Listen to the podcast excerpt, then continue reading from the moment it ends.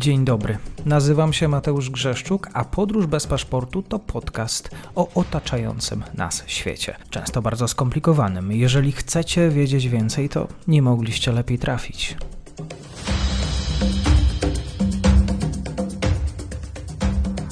Partnerem odcinka jest Oanda, TMS Brokers, dom maklerski obecny na rynku już od ponad 20 lat. W opisie odcinka znajdziecie link do aplikacji, której możecie otworzyć konto maklerskie i grać na giełdzie, a wcześniej potrenować na koncie demonstracyjnym. Jeżeli otworzycie konto za pośrednictwem tego linku, dostaniecie na start książkę o tematyce inwestycyjnej. Zapraszam, Mateusz. Dzień dobry Państwu, dzień dobry wszystkim słuchaczom. Dzisiaj jesteśmy w Korei Północnej. Ze mną jest dr Oskar Pietrewicz, analityk Polskiego Instytutu Spraw Międzynarodowych. Kłaniam się, dzień dobry. Dzień dobry, cześć. Zapraszam do tego, żeby też sięgnąć po książkę, bo Oskar jest autorem książki Spór o Koreę, rola USA i Chin w kształtowaniu bezpieczeństwa międzynarodowego na Półwyspie Koreańskim. Warszawa właśnie dwa lata temu już publikacja, bo już my się łączymy w 2024, więc e, dwulatek. E, my dzisiaj będziemy rozmawiać o słowach Kim Jong-una, który wydaje się nie wyraża jakiejkolwiek chęci, a na pewno e, postawił kawę na ławę pod kątem zjednoczenia z południem. No faktycznie, to przemówienie Kim Jong-una wieńczące y, plenum Komitetu Centralnego Partii Pracy Korei, które odbyło się y, w dniach 26-30 grudnia już ubiegłego y, roku, no, było faktycznie wielowątkowe, tak? Ten, ten wątek zjednoczenia był jednym z wielu. To te, tego typu wydarzenia partyjne służą podsumowaniu osiągnięć z roku już minionego i zapowiedzi na rok przyszły, ale zazwyczaj tam się właśnie pojawiają wątki dotyczące e, szczególnie ważnej sprawy, czyli sytuacji na Półwyspie Koreańskim i relacji międzykoreańskich. I e, słowa Kim Jong-una są bardzo istotne, bo one przede wszystkim w wymiarze tej retoryki. Często się możemy śmiać z tej retoryki, że ona jest taka bardzo przesadzona, pełna jakichś nierealnych zapowiedzi i tak dalej. Tymczasem to, co powiedział Kim Jong-un te parę dni temu, E, to jest e, przejaw e, niesamowicie realistycznej oceny sytuacji. Mianowicie, że zjednoczenie, takie jakie proponowała Korea Północna od kilkudziesięciu lat, zjednoczenie traktowane jako przedsięwzięcie wspólne z rodakami mieszkającymi w Korei Południowej, E, że ono jest nie do zrealizowania. E, to znaczy, że ten e, cel ambitny, przyznaje w tym przemówieniu Kim Jong-un, że wierzyliśmy w realizację tego dialogu międzykoreańskiego. Oczywiście to też trzeba między bajki włożyć, mając na uwadze, jak ten dialog wyglądał, że często on służył wymuszeniu czegoś od Korei Południowej w zamian za jakieś ogólniki, ale faktycznie w wymiarze retorycznym, w wymiarze ideologicznym, bardzo ważnym dla takiego państwa jakim jest Korea Północna, mówienie o zjednoczeniu Korei było pewnym punktem zamachowym e, przekazu politycznego. I e, tutaj no, Kim Jong-un e, no, mówi wprost, koniec z tego typu myśleniem i zapowiadało się na to już od wielu miesięcy, mając na uwadze, co działo się w 2023 roku, a mianowicie to, co mówił przekaz oficjalny północno-koreański. Między innymi siostra przywódcy Kim Jong mówiła w swoich wypowiedziach kilkukrotnie o Korei Południowej, wymawiając e, nazwę tego kraju, e, czyli Republika Korei. E, to już intrygowało obserwatorów, bo tradycją przekazu północno-koreańskiego było w ogóle nieużywanie tego terminu. Było mówienie raczej o Korei Południowej, ale południowa E, małą literką jakby wskazywana, czyli że południowa część Korei, jakby nie uznawanie, że jest coś takiego jak e, Republika Korei jako odrębne państwo. Tymczasem e, właśnie już siostra przywódcy, ale też i w, w innych materiałach publikowanych przez północno, północno-koreańską propagandę, określenie Kore Republika Korei się pojawiało. W tym przemówieniu e, sprzed paru dni Kim Jong-una mamy tego potwierdzenie, ale równocześnie padają też tradycyjne określenia pod adresem rządzących Koreą Południową, czyli marionetki e, amerykańskie. Tak więc e, nie jest tak, że mówienie o Republice Korei oznacza uznanie, e, zapowiedź jakiejś normalizacji, pogodzenia się z koegzystencją dwóch państw koreańskich, tylko raczej uznanie, że e, faktycznie mamy mamy do czynienia z innym bytem politycznym, co więcej, wrogiem w stosunku do nas, do nas, Koreańczyków z północy. Nie tylko, że wroga jest władza, ale w ogóle całe państwo i społeczeństwo jest wrogie. Bo, I to jest bardzo ciekawe, bo przez e, dekady pokutował przekaz e, oficjalny północno-koreański, że władza w Seulu jest zła, ale mieszkają tam nasi bracia i siostry, dobrzy ludzie, Koreańczycy.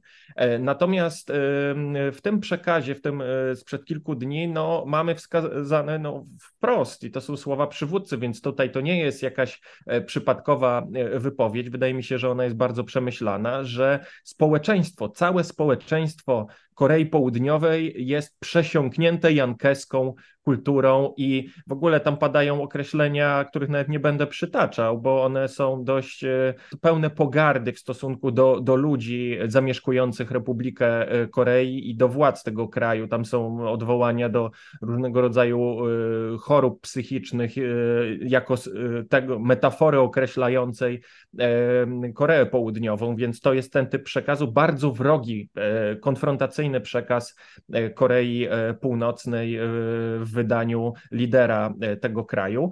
I e, co ważne, jest to odejście od e, wielu istotnych dla relacji międzykoreańskich komunikatów, jakie były od lat 70. Pierwszy taki komunikat mieliśmy w 72 roku, pierwsze porozumienie, oświadczenie wspólne międzykoreańskie.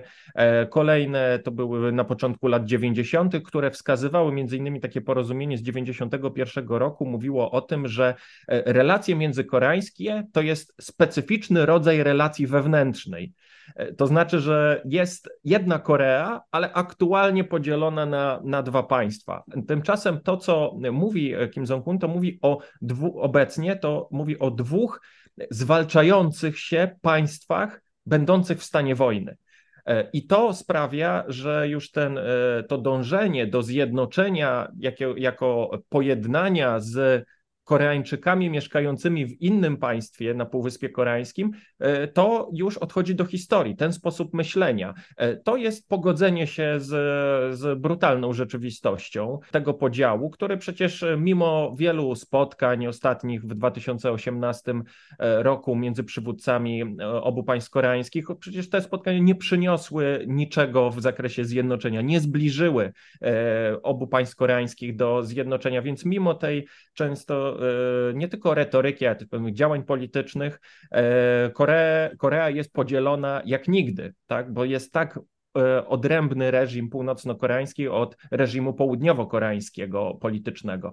I to przyznaje Kim Jong-un. On, on jakby to jest, ja to przynajmniej tak odczytuję, ten, ten przekaz oficjalny, że to jest takie konieczność pogodzenia się z tym. Wcale się z tego nie cieszymy, ale musimy być realistami. I Wspomniałem o tym, że jest używana nazwa Republika Korei, ale to właśnie, że to nie należy tego uznawać jako takiego pogodzenia się z tym, że ta Korea Południowa będzie istnieć, tylko że to jest byt wrogi, którego, który musi zostać przez nas, Koreańczyków z północy, podporządkowany.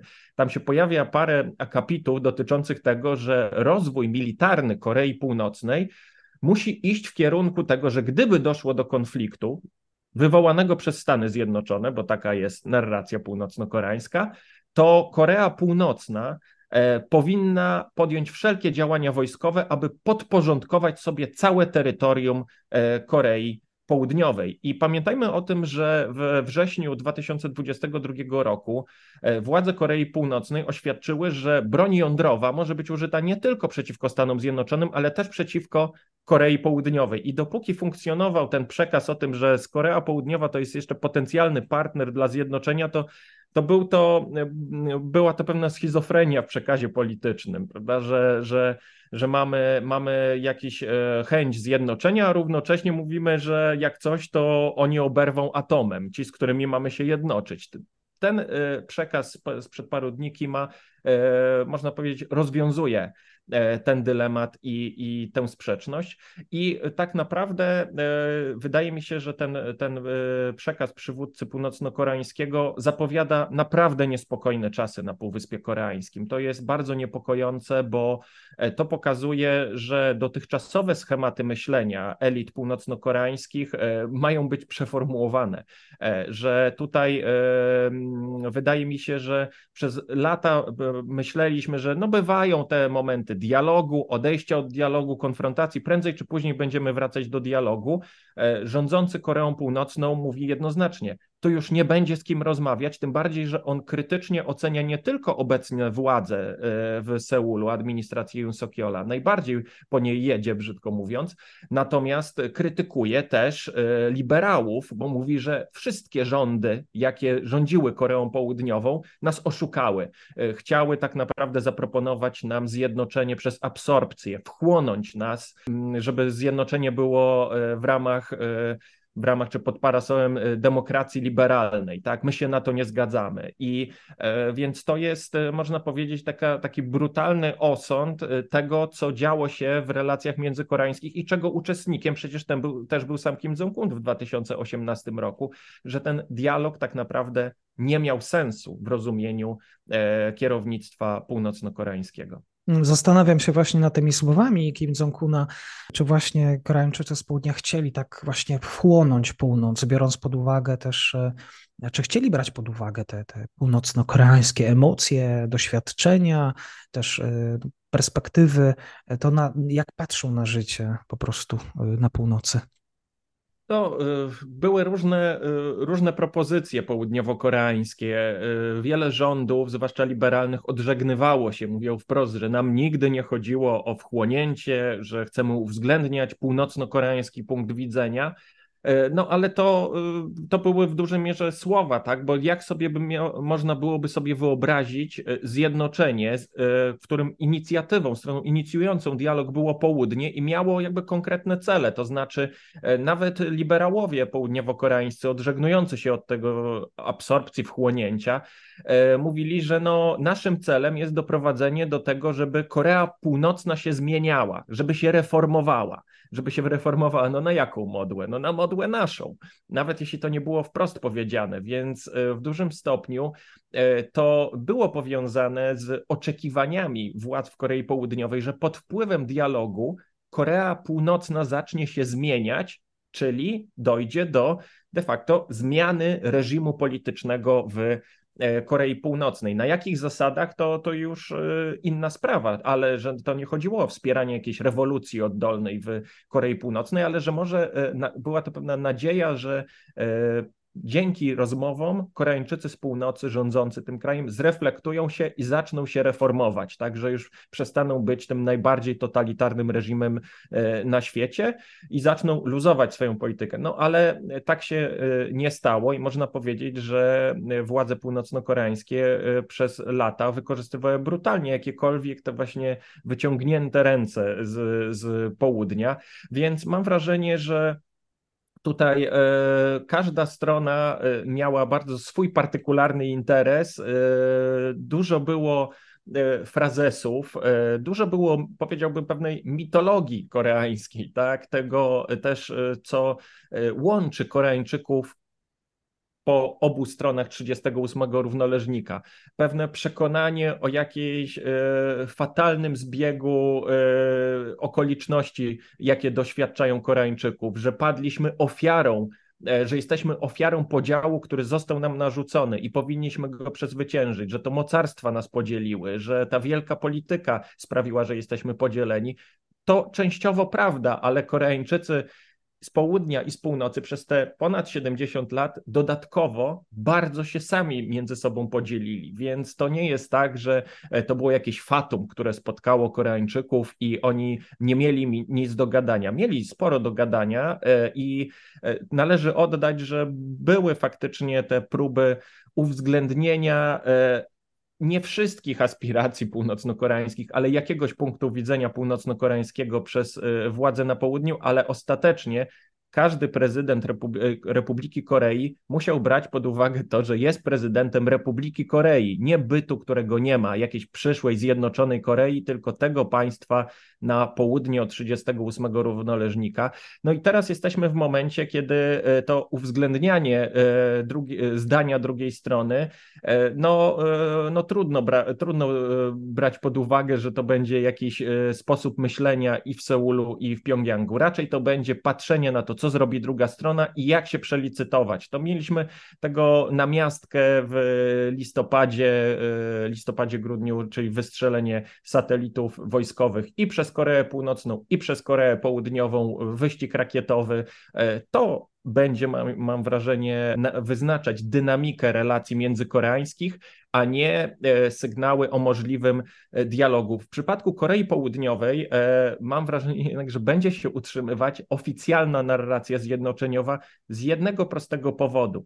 Otóż artykuł trzeci Konstytucji Republiki Korei mówi o tym, że Republika Korei roztacza się na terytorium całego Półwyspu Koreańskiego. I artykuł czwarty mówi o tym, że celem rządu Republiki Korei jest dążenie do zjednoczenia kraju. Więc e, w tym sensie prezydent, e, gdyby ogłosił, że rezygnuje z dążenia do zjednoczenia, złamałby konstytucję. A jak wiemy, konstytucji należy przestrzegać. Tak jest. Zachęcam do też lektury analityka Polskiego Instytutu Spraw Międzynarodowych Oskara Pietrowicza, który był dzisiaj ze mną. Lektury analiz i komentarzy na stronie pism. Link w opisie. Również zachęcam raz jeszcze do książki. Oskarze, bardzo dziękuję za dzisiaj. Dziękuję. Dziękuję serdecznie za odsłuchanie tej audycji. Zachęcam oczywiście do kliknięcia subskrybuj, obserwuj oraz wsparcia mojej pracy na serwisie Patronite.